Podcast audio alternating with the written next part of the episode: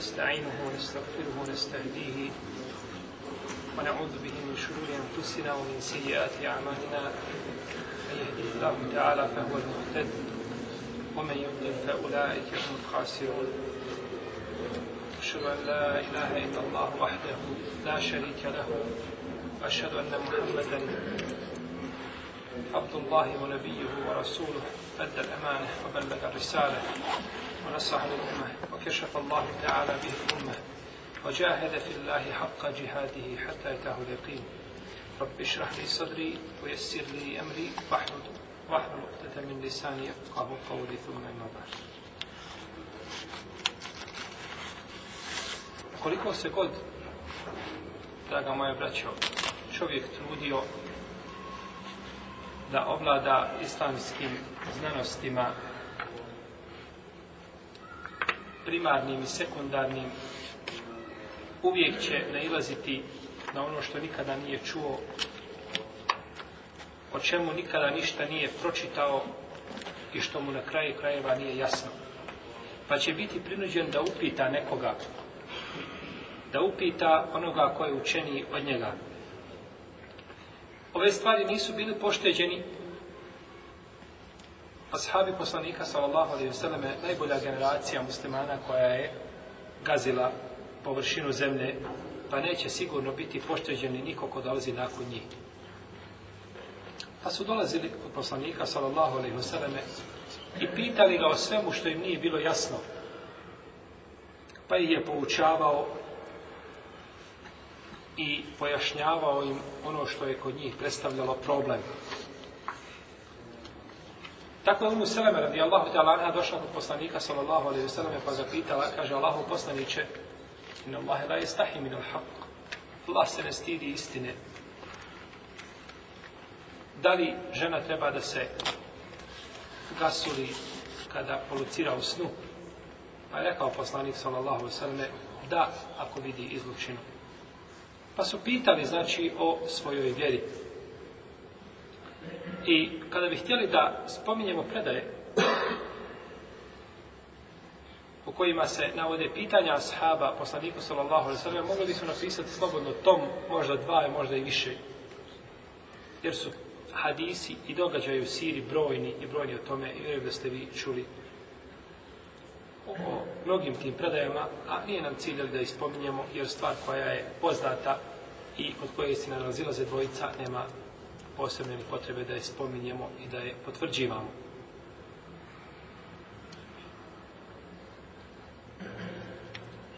Ukoliko se muslimani ne odazovu Allahu i Tebarak je o teala naredbi tas'alu ahle zikrin kuntum la ta'lamun pitajte učenje ako ne budete znali i riječima Allaha Tebarak je o teala ar-Rahman tas'al bihi habira milostivi a ti o njemu upitaj učenog nemoj pitati o milostivog neučenog jer ćeš dobiti odgovor koji priliči njemu, pa ćeš imati o svome gospodaru ružno mišljenje.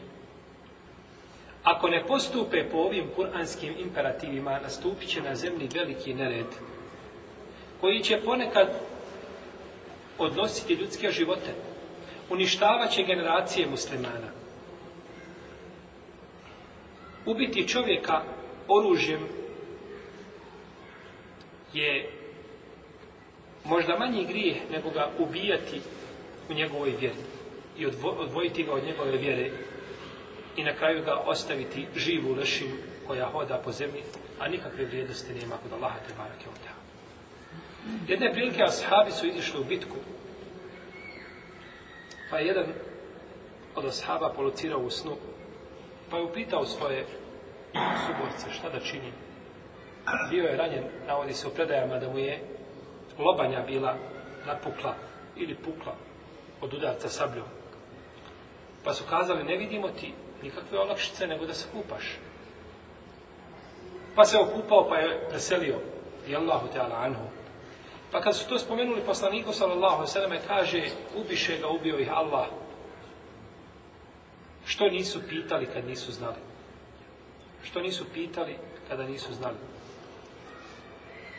Pogledaj kako je bitno pitanje sperme, ne sperme, tuširanja, ne tuširanja, gusula, ne gusula. Bitno u širijetu. Jer zbog toga čovjek može ubiti nekoga. Pa da je bilo nebitno, ne bi poslanik, ovo sam rekao, što, ne bi, što nisu pitali o tome, kada ne znaju.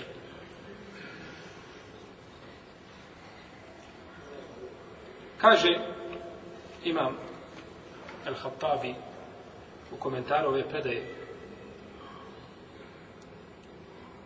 Poslanik sallallahu alejhi ve sellem je žestoko ukorio ljude koji su dali fetve znanja. Molio je protiv njih i na njih prebacio odgovornost za smrt ovoga čovjeka. Oni su odgovorni. Vi ste ga ubili. Što niste pitali ako iste znali? Uzvišen je Allah te barak i otana je poslao Džibrila, ali i selam, da pouči ljude njihovoj vjeri. Da pita poslanika, sallallahu sallam, a da on odgovara, pa da pouči ljude, da pouči ljude dinu. Stoga je pitanje bitno u islamu. Jedan od najkraćih puteva za poučavanje, najefikasnijih puteva jeste pitanje. Jer ponekad, recimo iz predavanja, iz izlaganja, treba da izvučeš ili da shvatiš, da razumiješ rješenje za ono što te šta muči, dok u pitanju je direktno. Trebaš, ne trebaš, smiješ, ne, ne smiješ, postupi ovako, postupi ovako. Pa je direktan odgovor. I zato je kod islamski učenjaka, kako navodi Ibnu Hadžar, bila poznata izreka da je lijepo postavljeno pitanje pola odgovora. I to svi prenosili. Husno su ali nisvura ilmu. Lijepo, znači pitanje, uređeno, definisano, na lijep način postavljeno islamskom etikom je pola znanja. I u predaj bliži Ibnu Sunni u svome dijelu Al-Muta'alimin i Tabarani u svome srednjem mođemu i Imam El Bejhek, od poslanika sa osam. Da međutim, daif je kao takva. Kao takva nije vjerodostojna, nego je to poznato, znači, bilo kod, kod učenjaka. Imam Hermenau i kaže, lijepo postavljeno pitanje je pola znanja, jer kada učenik postavi pitanje sa etikom, dobije detaljno pojašeno, pi, znači, o, detaljno pojašeno odgovor i potpun, te će imati korist od tog znanja. Znači, dobio je, kako je postavio pitanje, dobio je takav šta i, i odgovor. I sigurno kada dobije potpun, potpun odgovor i lijepo pojašnjen i podrobno razložen odgovor, može znači postupati nakon toga s odnotom znanju. Ibn Šihabe Zuhri je govorio, poznati znači Tabin, je govorio, znanje je velika rizica, a ključ te riznice je pitanje. A ključ te riznice je pitanje. A ako tušite riznice pitanje, onda to pitanje mora zaista znači biti precizno i definisano i mora biti popraćeno islamskom etikom. Treba voditi računa, draga moja braća, da pitanje bude koncizno, prije svega. Da bude jasno definisano. Da u njemu znači nema nejasnoća. Jer se na pitanje u kome ima nejasnoća ili koje se može odnositi na više stvari, može dati isti takav odgovor, ili se može dati odgovor koji ide u drugom smjeru. A ti shvatiš da je on odgovor na ono na što si ti šta ciljao. Pa onda dobiješ pogrešno i pogrešno praktikuješ i kažeš ja sam dobio od tog i tog takvu i takvu fetvu. A u stvari nisi dobio, ti si dobio fetvu za nešto drugo. Jer si tako postavio pitanje. Znači jako bitno, a da ne govorimo o tome da čovjek ne smije tajiti detalje. I detalji koje on pritaj, ne spomeni ih. A oni su jako bitni, oni misli da su nebitni. To što ti misliš, u redu, mi cenimo tvoje mišljenje, ali, ali to ti zadrži za sebe. Ti spomeni pri fetvi, salam, spomeni pri fetvi, znači odnosno pri pitanju, sve detalje, pa ćeš nakon toga dobiti potpuni odgovor. Islamski učenjaci su govorili o ovim pitanjima, pa su između ostalo govorili kada je pokuđeno postaviti pitanje. Prvo, kada ne postoji vjerska korist. Znači, nikakva vjerska. U tome što pitaš, neće biti vjerske koristi. U tome su islamski učenjaci pogledali da ti postavljaš pitanje učenim ljudima i da ih zamaraš onome što se ne tiče, znači, čisto vjerskog propisa. Ponekad ljudi, znači, pitaju stvari koje su koje se ne tiču vjere i možda su, kako kaže poslanik, ali sve vi ste učeni u vašem dunjalu od mene. Drugo, dodatno zapitkivanje nakon seznanja propisa. Kao, na primjer, pitanje izraeličana o svojstvima krave koju su trebali da zakolju ili pitanje onoga čovjeka koji se zvao e, e, Lakra ibn Habis kada je pitao poslanika sallallahu alaihi sallam o da li treba čovjek svake godine da obavi hađ kaže ja i nas inna Allahe farad alaikum al hađe fa huđu tako je rekao poslanik sallallahu alaihi sallam Allah vam je propisao hađ pa obavljajte hađu kaže, e fi kulli amin ja nabi Allah. Kaže od svake godine Allah poslanik. Pa je ušutao. Pa je to ponovio nekoliko puta, pa kaže, le u kultu nam ne može bet, ono me statatu. A vi to ne biste mogli. Ja pa sam rekao da, jer vi to ne biste mogli. Obavljajte hađ. Ko obavio hađ je da put, je obavio hađ? Završ. Zbog čega? Znači, ispitivati dodatno o onome, kaže poslanik sa osrem, a da sam rekao da, morali biste. Svaki put bi morao, kada dođe drugi, treći, četvrti, peti, Zulhidža nije bitno, pakuj se, ja devu jaši, ja auto, ja avion, idi u Meku, na hađu. A ne biste to mogli, one me statatu. Treće, pitati u vezi sa preciznim i teškim stvarima koje čovjeku nisu potrebno u datom momentu jer je poslanik sa osvijem zabranio da se pita o, o glupat, o teškim i predsjednim pitanjima, od kakvih nema posebne koriste. Četvrto, pitati za određeni propis kakav karakter ima, odnosno kakav hikmet ima. Kao što je pitala ona žena Aisha radi Allah, zašto žena koja je u hajzu mora napostiti, a ne mora naklanjati te dane? Jel u redu? Dobila hajzu Ramazan, mora napostiti, a ne mora šta? Tako je, zašto? Allah te barak tala zna, on je to propisao i nema potrebe ispitivati za sve mudro zašto. Zašto ovo, zašto ono.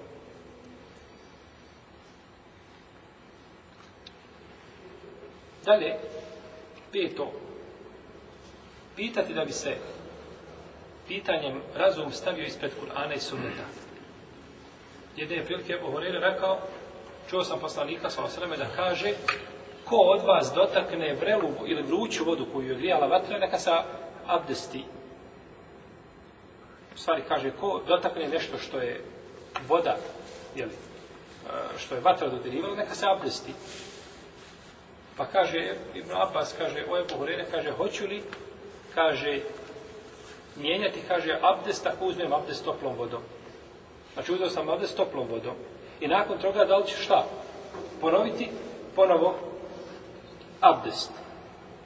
Pa mu je rekao, Ebu Hrere, bratići moj, kaže, kada čuješ hadis poslanika, sa osaleme, Fela tadribu leho nam sal, nemoj kaže ti koristi svoj razum. Nemoj ti sad primjer, hoće li ovako, neće li ovako. Čuo si završeno. Postupio onako kako je došlo od poslanika, sallallahu alaihi wa sallam. Kada je Anas ibn Malik upitan da li će čovjek koji poznaje hadis raspravljati sa ljudima, branići poslanikov sa osrame sunnet. Ti znaš hadis i sunnet. I neko napada sunnet. Da li ćeš ti se raspravljati sa ima da praviš? Nećeš, kaže. Nego će im pojasniti sunnet i zaustaviti. Sako prihvate, prihvate, kako ne prihvate. Ponekad ljudi, jedan spomene hadis, jedan. Drugi spomene drugi hadis koji je šta, suprotan tome. Treći ljudi je sa ajetom. A sve je šta?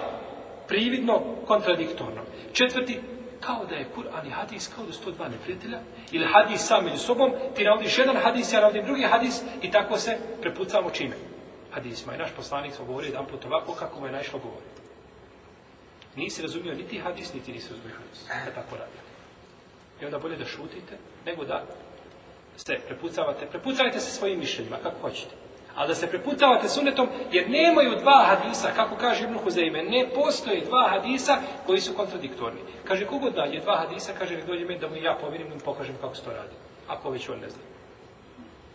To je kontradiktornost gdje? u glavi muštehida, u glavi muslimana, nije bitno u glavi, ali tu može biti kontradiktornost, u svatanju i u razumijevanju, ali u stvarnosti ne može biti kontradiktornost. Zato ne moj nikada odgovarati nekome hadisom, ovim, možeš kazati ako je hadis pomenut, pa nakon toga dokinut, pa da znači jeste je hadis postojen, međutim, kaže poslanik sa samo u drugom hadisu tako i tako, a ovaj hadis rečen tad, tad, pa je dokinut taj hadis, ne smeta. To je opet pojašnjavanje propisa. Ali da se odgovara hadisom na hadis, to je, to je musibet. To znači da je šta da postoji šta? Kontradiktornost. I još što strane ljudi koji nisu znači upoznati u detalji sa hadisom poslanika sallallahu alejhi ve sellem. Šesto, da pita o nejasnim argumentima. Da pita o nejasnim, znači, argumentima u kojima nije ulema, znači, posebno posjećivala, nego su da pao mu tešabije kako kaže uzvišeni Allah te barake od teala, فَأَمَّا الَّذِينَ فِي قُلُوبِهِمْ زَيْهُمْ فَيَتَّبِيُونَ مَا تَشَابَهَ مِنْهُ اِبْتِغَاءَ الْفِتْنَةِ وَبْتِغَاءَ تَعْوِيلِ وَمَا يَعْلَمُ تَعْوِيلَهُ إِلَّا اللَّهُ وَالرَّاسِخُونَ فِي رَمِيَا Jel, ajet poznatu suri Ali. Oni u čijim srcima je zastrana, oni slijede nejasne ajete u težnje da su za smutnjom ili za svojim posebnim tumačenjima. Omer Abdelaziz je govorio, kaže, ko bude raspravo u svojoj vjeri, takav će brzo promijeniti svoju vjeru. Ovdje svakako za ovo što spominjemo, znači, imat ćete, ovdje ima znači za sve, ovo znači, fus note, izvore, za svaki znači citat koji je spomenut, ništa nije prenašano tek tako od nekada, nego je znači uzeti iz originalnih knjiga, koji ćete imati ako voda priliku da čitate u jednoj novoj knjigi koja će uskoro izaći na šalom ovaj, pa zbog toga nećemo se zamarati posebno sa izvorima, ali znači samo da ste upoznati da je da je ovo sve argumentovano, znači svaka riječ, svaki harf ovdje da je argumentovan i znači da je spomenut iz originalnih izvora. Isti propis ima i pitanje koje postavim ovom Maliku, kada je upitano izdizanje Allaha te barek tova Kako se Allah? Allah se uzdiže na arš. Kaže, uzdizanje je poznato. A kakvoća je nama nepoznata. A pitanje o tome je novotarija. A vjerovanje to je vađivo. I završeno. Kako, kako uzvišen Allah te vole svoje u džennet? Gdje je džennet, džehennem? Kako će to ljudi ulaziti? Kako to da je širi od nebesa i od zemlje? Pa gdje onda bude? Nikada tome kraja nema. Što kaže Omer ibn Abdulaziz, šta promijenići? Promijenići svoju vjeru. Kazat ćemo, nema od toga ništa, da su to, da su to sve ovaj, bajke. Jer jedan od osnovnih a, temelja čovjekovog e, vjerovanja jeste da vire u šta u u gajb. I to je vjerovanje da, da Allah te barak tala dođe i da se svim ljudima pokaže, da pokaže kako stvara i kako mrtve ide, pokaže džennet i džennem, ne bilo kjafira na zemlji, tako? Svi bili muslimani. No, međutim, uzviše da Allah hoće od tebe da, te, da, da svoj razum koristiš i da ti pošalje poslanika i da iznese dokaz i hučet protiv tebe i da ti nakon toga proviriš ili da uznemiruješ. Pa izaberi sebi ovaj ili onaj put. Pa čovjek nema znači pravo raspravljati o tim stvarima. Sedmo, zapitkivanje o neredima i fitnicima koji su se zbili u vrijeme prve generacije muslimana. A, a što to? A kako to moglo biti među njima? A je logično da se to desi? A je, kada je Omer ibn Abdelaziz upitan o ome, kaže, Allah je, kaže, moje ruke sačuvao od prolijevanja te krvi. Zar, zađi, zar kaže da ja ne sačuvam svoj jezik nakon toga? Nije te Allah te morate ne iskušao s otim. Nićete na sudnjem danu pitati ni o Ali ni o Muavi. Radi Allah te Allah anhuma, o radi Allah te Allah ani as sahabe te džmajin oni su svi kod Allaha bolji od nas. I jedan od njih je danas i, i najslabiji od njih sad račom je danas bolji od cijelog umeta ili od dijela umeta sigurno. I neće nas pitati o njima jer mi ne možemo svjedočiti ni za njih ni protiv njih. Tako da nema potrebe čovjek znači da pita, oni su bili ljudi, mogla se desiti greška i čtihad, a međutim njihova odlika i dobrota ostaje sačuvana do sudnjega dana.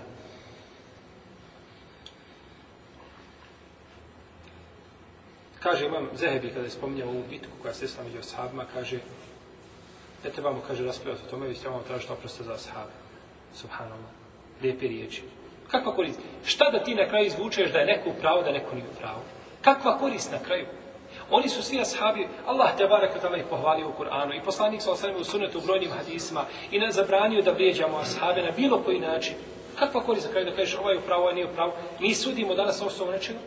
Desilo se, sigurno da je neko, neko bio bliži istin, neko je bio malo dalje, no međutim, je li pitanje štihada, ne istina vjere, pitanje štihada u ovim stvarima, a nakon toga kažemo Allah se smilova svima sahabima poslanika sa Osaleme, to je ovaj odabrana generacija i da za sigurno danas čovjek jedan imao da sahaba među muslimanima, ne bi bio hal muslimana kakav jeste.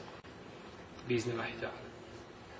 Osmo, pitanje kojim se želi poniistino omalovaž, omalovažiti onaj koji je upitan. Uzvišen je Allah tebara kvitala kaže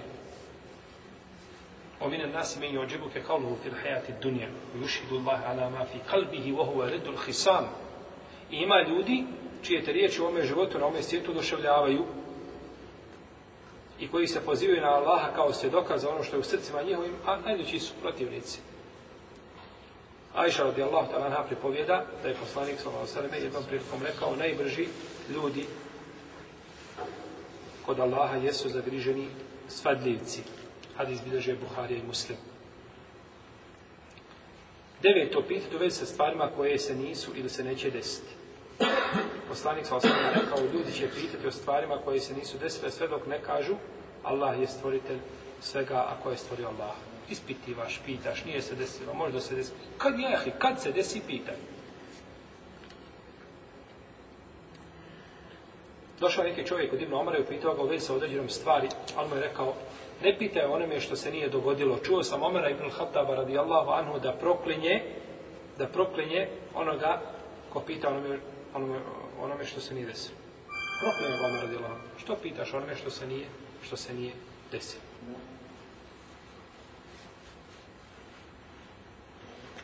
Mesruk je pitao Ubejda ibn Kaaba, e, Ubejda ibn Kaaba, o određenoj stvari koja se još nije dogodila, pa mu je rekao, sačkaj da se desi, tada ćemo zajednički tražiti odgovor i izjasniti se o tom pitanju. I slično on se prenosio Zejda ibn Sabita, Jamara ibn Jasira.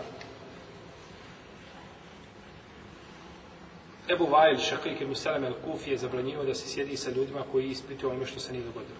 Nemate što se ima sjediti. Nemate šta. Toliko stvari koje su se desile i mučajte svakodnevno. I toliko stvari tvoje vjeri koje ne znaš i pored toga se otišao tamo negdje za brda i kopkaš ispod brda, tražiš nešto što se nije dogodilo. Hoće li se dogoditi? Šta će biti ako se dogodi? Kakva korist? A pored tebe prolaze vozovi, vozovi ovaj, koje trebaš da uhvatiš i svi te promašli, a tamo tražiš nešto od čega nikakve koristi imati nećeš. Ibn Arab ili Maliki kaže većina predaja ukazuje da su učenjaci iz prvih generacija prezirali pitanja u vezi s onim što se nije dogodilo. A Ibn Kajim kaže prenesena su brojna predanja u kojima stoji da je većina učenjaka iz prvih generacija prezirala takva pitanja. Znači čovjek pita o nečemu što se nije dogodilo. I ponekad braću dobije se pogrešan odgovor. Isti taj koji daje odgovor, on nema predstavu puno. Pretpostavite ovako, da je prije, na primjer, 200 godina ili 300 ili 500 godina upita neko od učenjaka, doće vrijeme kada će ljudi izmisliti jednu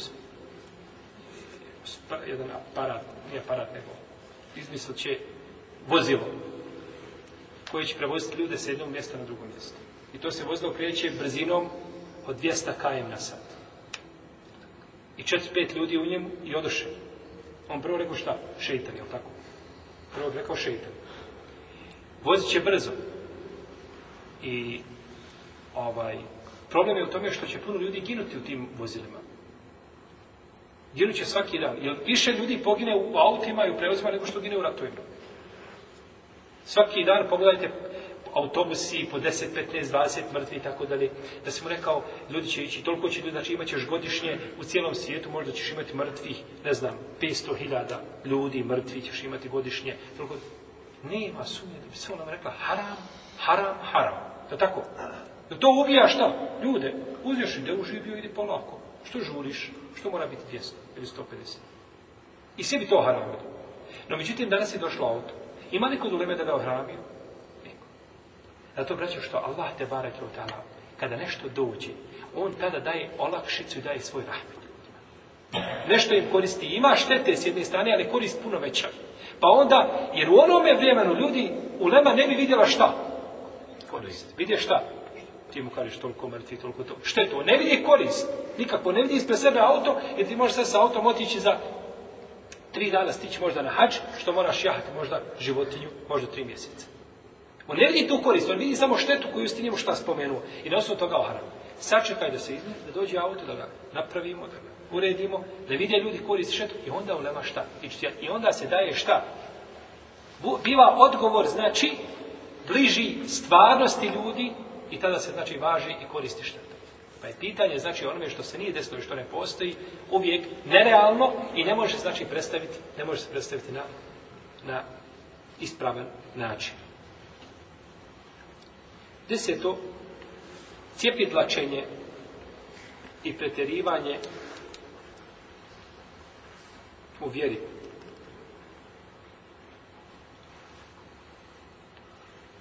Kul ma eselukum alihim ljeđr, o ma ene minel mutekellifin. Reci, ne tražim ja od vas za ovo nikakvu nakradu, niti sam ja od onih koji su izvještačeni. Znači, jer se čovjek izvještači u svojoj, u svojoj vjeri. Kada je Amr ibn Asu, Hristo Amr radijallahu anhu, pitao da li je bunar iz koga uzimaju vodu, da li je čist, da li piju, do toga divlje zvijeri. Pa kaže Omar, nemoj mu, kaže, odgovoriti. Što pitaš? Kaže, divljač pije iz naše bunara, mi pijemo iz njihovi i završan. Što ispitivaš? Zašto ispitivaš? I rekao je poslanik, sallallahu sallam, propali su oni koji pretjeruju, ponovio je to tri puta. Stoga, draga moja braćo, stjecanje širijskog znanja mora biti shodno pravilima koja su postali islamski učinjaci. Ponekad ljudi misle da je znanje samo da sjediš i da što više podataka nakupiš i da što više podataka znaš i da je to znanje. To je dio znanja. No međutim, i taj dio, ako ne bude bio, znači, usklađen, shodno pravilima koje su postavljene, neće čovjek imati koristi od njega. Neće imati koristi od njega. Ovo ćemo spomenuti nekoliko pravila koja se tiču kada je u pitanju, kada je u pitanju znači, ovaj, postavljanje, znači, pitanja i stjecanja znanja kroz pitanje i odgovor. Prvo, onaj ko želi postaviti pitanje mora naći pogodno vrijeme i mjesto. Nije ispravno na svakom mjestu, u svakom vremenu postaviti pitanje. Čovjek izlazi iz trgovine, vozi kolica, namjernica. I ti ga na vratima, uf, e, kad sam te kaže, vidio da te pitanje. Znači, kad si ga vidio, da ga pitaš. Da ga nisi vidio, ne pitao, tako. Ne, to ti je na kraj pameti palo. Nekad si ga vidio, onda da svakako kaže da iskoristi priliku kada sam te već vidio.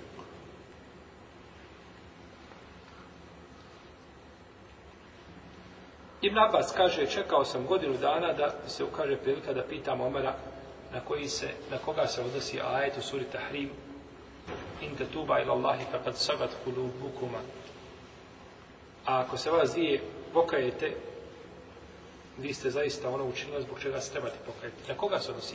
Godinu dana, kaže, ganja momera da ga upitam i ne mogu naći priliku.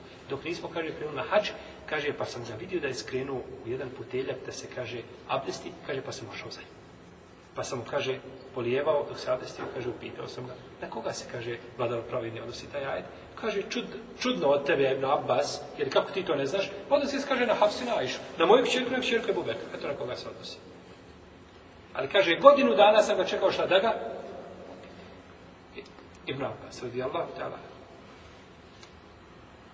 Kaže mu, Ejub Sihtijani, sjedio sam kada je četiri godine u, hal, u halkama Hasanem Basrija, ali ga nikada ništa nisam upitao iz poštovanja prema njemu.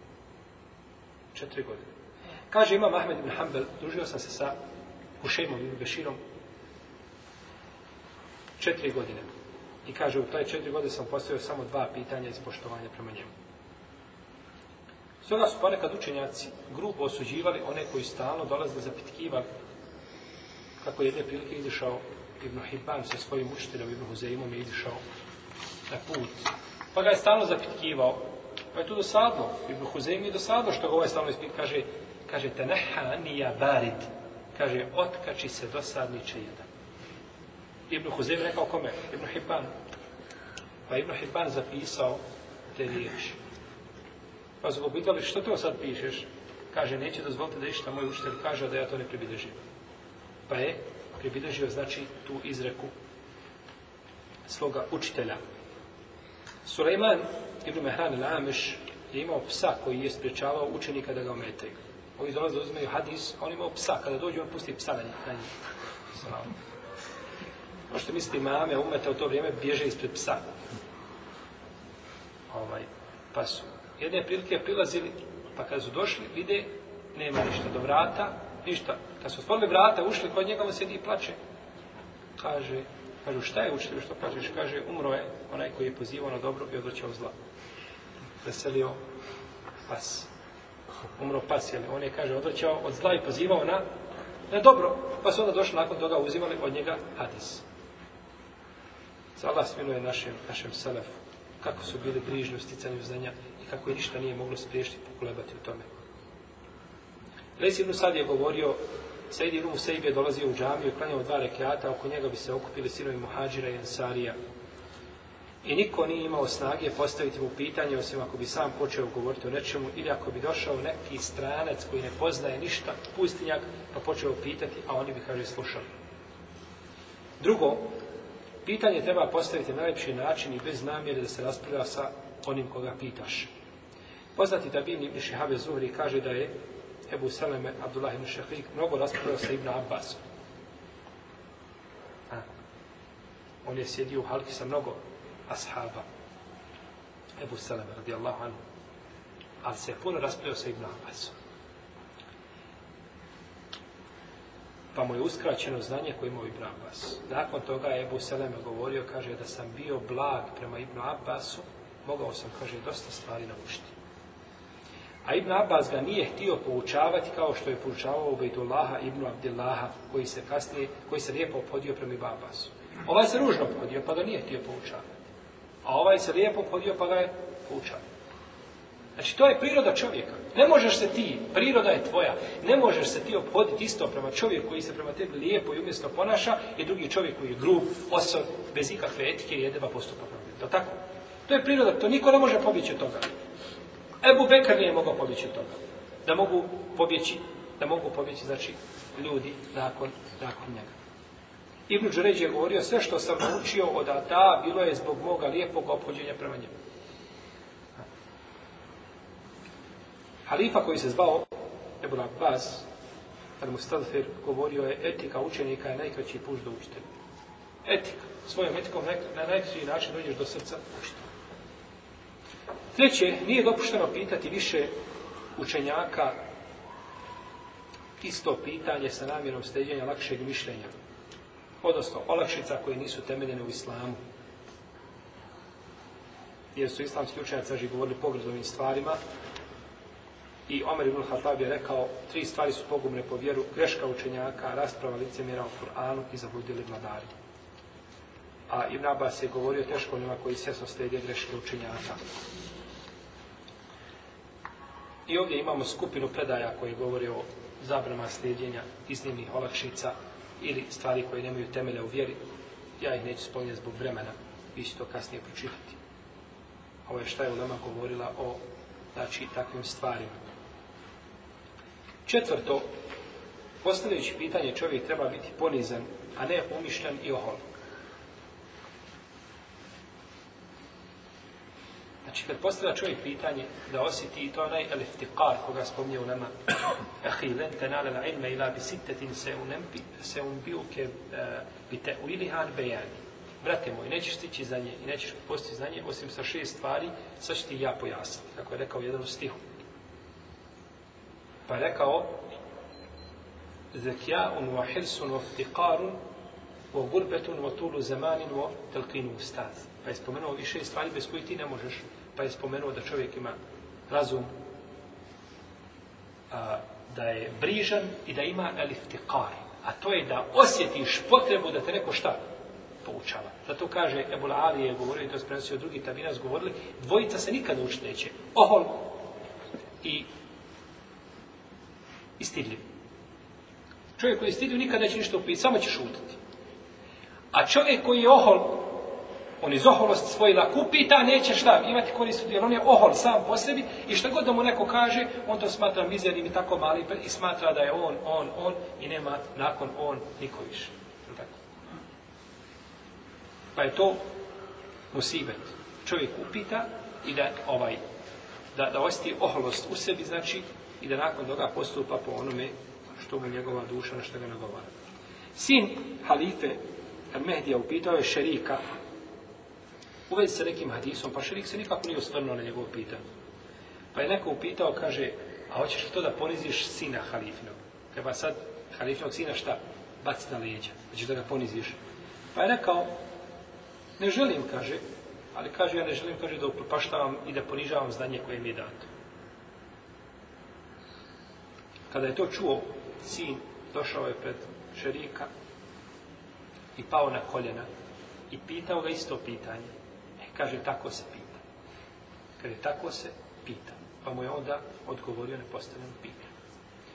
Abdurrahman ibn Omar kaže, jedan čovjek se nasmio u halki Abdurrahmana ibn Mehdija. Abdurrahman ibn Mehdi je, znači, plafon hadijske nauke u svoje vrijeme. Poput Imama Ahmeda, poput Jahije ibn Ma'ina, poput Ali ibn Medina i drugi koji su živjeli u to vrijeme. Bio je jedne prilike držao halku, pa se neko nasmijao halki. Pa je rekao, ko se to smije u halki? Pa su pokazali čovjeka koji se nasmijao. Kaže, stječe znanje i smiješ se. Kaže, mjesec dana vam neće držati predavanje. Pa je otišao. Ovo spominjam vam Al-Hatib al-Baghdadi u svome dijelu Al-Džarmije. Znači, sve ove predaje koje navodimo, znači, vidjet ćete vi nakon toga izvore. Znači, sve je uzeto, znači, iz knjiga koji su sa lancima prenosila sa zabilježilo ove predaje. Epoka spominjanja, desilo se to neko u devetom mirskom stoljeću spominje šta se desilo u prvom bez lanca, ne, ne, nego je sve znači zabilježeno od čovjeka, od čovjeka sa lancima prenosilaca.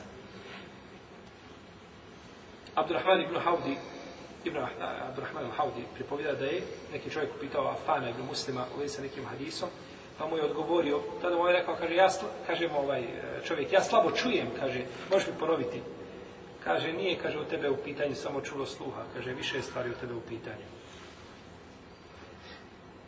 Burhan al-Bukhai je zapisao da je neki stranac tražio od njega da mu prati njegovo čitanje knjige. Pa kada je povijenih nogu, ovako kao što ja sasjedim, kada je povije novu sjeo ispred njega, Burhan mu reče, tebi je, kaže, potrebnija etika od znanja zbog koga si došao. Ti se, kaže, prvo trebaš naučiti kulture, pa onda si, onda si ti se znanje, jel? Ebu Hatim Ar-Razi kaže da ih je Bišr ibn Munzir odbio poučavati zato što su jače pokucali njegova vrata. Došla vrata, pokucali jače, kaže, vi niste za učenja. Zašto? Šta je u pitanju? Etika, ahla, kultura. To, to, je, to, to su oni poučavali učenike prije nego što su poučavali za njim. Kakva ti korist da znaš devet hadijski zbirki i da znaš Kur'an na sve kirajde, a da nemaš ahlaka i da nemaš etike? Ne znaš se ponašati i sa učenim, i sa neučenim, i sa običnim, i sa kafirom, i sa nekafirom, i sa... Ni sa kim se ne daš ponašati. Kako koristi tog znanja? Kome će koristiti to znanje? I ko će od tebe prihvatiti nešto? Nikom. Je li tako? Znači, zato je ta etika bitna. Pa su poučavali se etici, ovaj imaju predaje, koliko se sjećam, kod Al-Hatib al-Bagdadija, da su govorili da se poučavali etici 20 godina, pa bi onda kaže učili znanje. Da se učimo, e, kako da sti, šta je etika? Kako sticati znanje? E, to je etika. Kako sticati znanje? Pa onda stiče šta?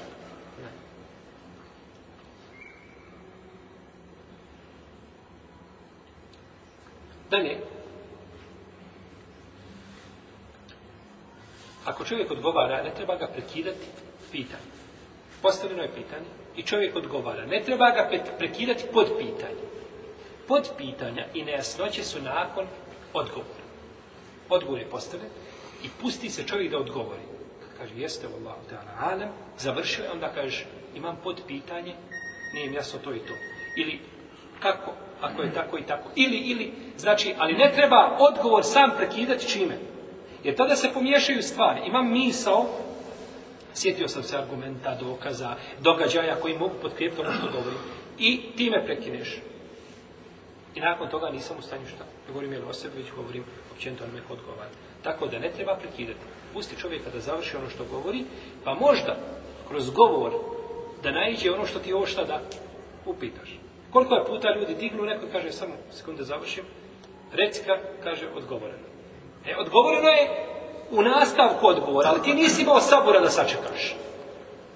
Saburaj, sačekaj, možda ti najđe, možda se stvar pojasni, i nemaš potrebe onda znači da prekidaš, nego će znači tako ćeš lakše razumjeti otkud. Omer radijallahu anhu nije htio prekinuti izlaganje temima Darija, već je poslao Ibn Abbas da ga upita nakon toga. Pa Ibn Abbas brebao priliku, ali nije ulovio. Pa mu došao, kaže, ne mogu, nemam prilike. Pa kaže, Omer, ja ću. Pa onda Omer radi Allahom ga pita o tome.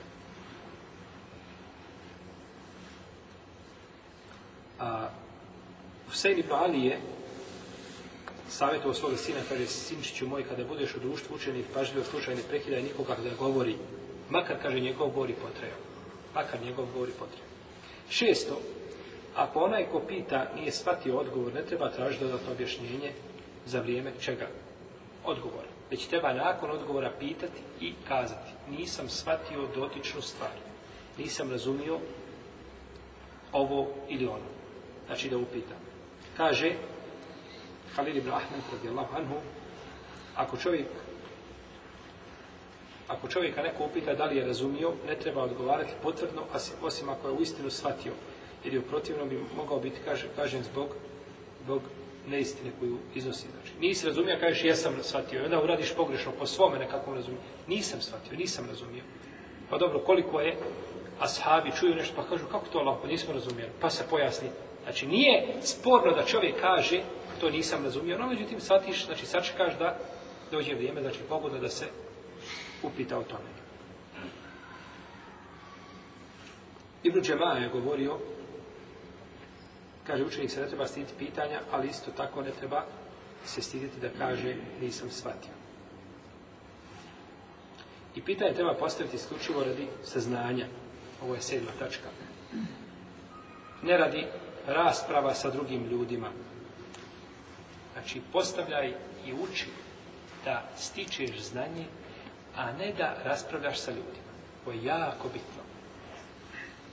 Čovjek koji je neko nešto rekao, i to njemu ide s neki bio negdje na sjelu, pa su raspravljali, pa i sada on ide, zove telefonom, pita, ispitiva, traži, ko for stiče znanje, a šta? U stvari traži i prikuplja argumente da dođe na naredni, na radno sjelo i da potrebe pata s onim što rekao, da kaže, slušaj sad ovdje to, to nije ispravno. Ti čitaj i uči radi Allaha te barake od Allah. Pa ako dođe vrijeme da dokažeš i da pomogneš sunet i lao vjeru i dokažeš istinu, ehrano salam, protivnom nemoj, znači da ti budeš ta glavna preokupacija da slušaš ili da učiš da bi time odgovarao nekome. Da bi time odgovarao nekome. Poslanik sa osrame je rekao, ko bude stitao znanje da bi se raspravio sa učenim ili malo umnim, ili da bi privukao pažu ljudi na sebe, da upiru prstom u njega, a da ne bude to činio Allahovo ime, kaže, neka sebi pripremi mjesto u vatri. Neka sebi pripremi mjesto u vatri.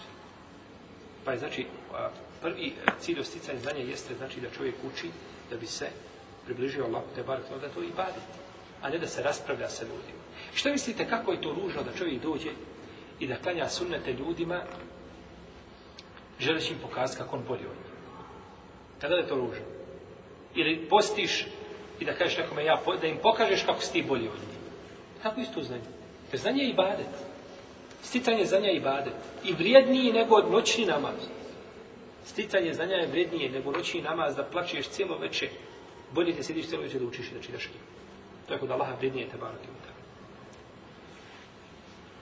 Pa zašto ti, zašto hvala taj svoj ibadet da ga čovjek stiče da bi se raspravio? Zato kaže poslanik, zašto? Neka sebi pripremim mjesto u džahannu. Kao čovjek koji klanja radi koga? radi ljudi, ne radi ovaj ibadet Allah. Te barake. Potem. Jest. Potom čovjek, draga moje braće, mora znati svoju deređu. Allah se smilovao čovjek koji zna svoju deređu i stane kod nje. Kad ne zna, ne zna. Ima učeni pitati. Poslanik sa osvijem, kada je pitan određene stvari, kaže, ne zna. Odnosno, šutao je. Došao mu čovjek i kaže, kod Buhari, kod muslima predaje, Allah mu postaniče, kaže, zatekao sam jednu ženu u jednom od medijskih vrtova. I kaže, šeitan prevario me, kaže, sve sam sa njom činio, kaže, osim odnosa. Zagrblio je, dodirao, dodirivao je, ljubio je i tako dalje. Pa kaže, pa je poslanik sam oborio svoju glavu. Nema odgovora. Ne zna odgovor. Resulullah s.a.v. ne zna u tom momentu odgovor. Dok mu nije došla objava, inna l-hasenati udhibne se i ja. Tako je zikali, tako U istinu, dobra djela piše loše djela. Pa je rekao, gdje je taj čovjek? Kažu, zovite mi ga, kaže. Pa mu je rekao, tako, idi, pokaj se. Allah te bare. Ne znaš, ne znam. Nisam, najobičnije pitanje, ne znam. Jer, braćo, postoje tri skupine ljudi. Postoji ulema, koji su šta? Učtehid, koji ima pravo da je štihade, koji imaju znači pri sebi mehanizam koji mogu da razlučuju, razumijevaju Kur'an i Sunnet. I oni su ti koji neće nikoga slijediti. Oni štihade i rade s odnosom i štihadu. Među njima samima, imamima, postoji šta? Deređe postoji. Mi kažemo imam Ahmed ibn Hanbel. I kažemo imam Ennevoj. Gdje je imam Ennevoj od imama Ahmed ibn Hanbel? Ha? Može li se to ikada porediti? Nikada. Velika je razlika, znači, između imama Ahmeda, koji je bio mučtehid mutlak i imama Neovija koji je slijedio jedan mezheb. Kažemo imam Neovi, imam Šaukjani. Ali gdje imam Šaukjani od imama Neovija, je da? Kažemo imam u današnje vrijeme i Blubaz. Kažemo imam i Bustemin i kažemo imam Albani. Jer to zaista imam u naše vrijeme. No međutim, gdje je taj njihov imamet, gdje je Ibn Baz, Ibn Sevin od Ibn Luka imam? Pa svako vrijeme ima svoje ime na To je prva skupina ljudi koji gledaju Kur'an i Sunnet i razumijevaju i nakon toga donose šta? Propis. Imamo drugu skupinu ljudi, a to je obični svijet. Znači, muslimanske mase koji su dužni da slijede učenjake. Znači, muslimanske mase koji ne smiju oni da uzimaju Kur'an i Sunnet i da oni štihade, da ga razumijevaju, nego šta? slijede učenjake. Nisu dužni slijediti jednog učenjaka po nosu. Nego kad mu se desi problem, u jednom gradu ima učenjak koji zove Mohamed, da zove, salamu alaikum, šej Mohamed, hođa Mohamed, nije bitno učen čovjek, ima znanje, kažem, imam problem, dam mu fet, za njega je to završeno. A nema smetje da se da bere jednog učenjaka, ali tako? Da se da bere Boha, nije da ga slijedi. Nikakva je smetje. Malik, Šafi. I mama ne uvije da slijedi njegove fetve, ne smetje. Ali nije dužan sljedeći šta jednog čovjeka, nego dužan pitati.